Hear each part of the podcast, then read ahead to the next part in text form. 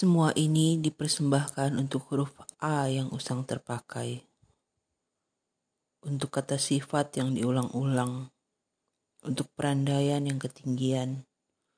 Untuk kata kerja yang tidak pernah dilakukan.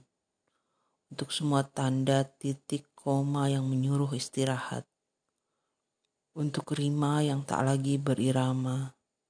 Untuk pantun tempo dulu peninggalan zaman untuk kata tidak yang terlalu banyak, untuk kata sayang yang tidak lagi bermakna, dan terakhir untuk kata-kata yang tak pernah terucap.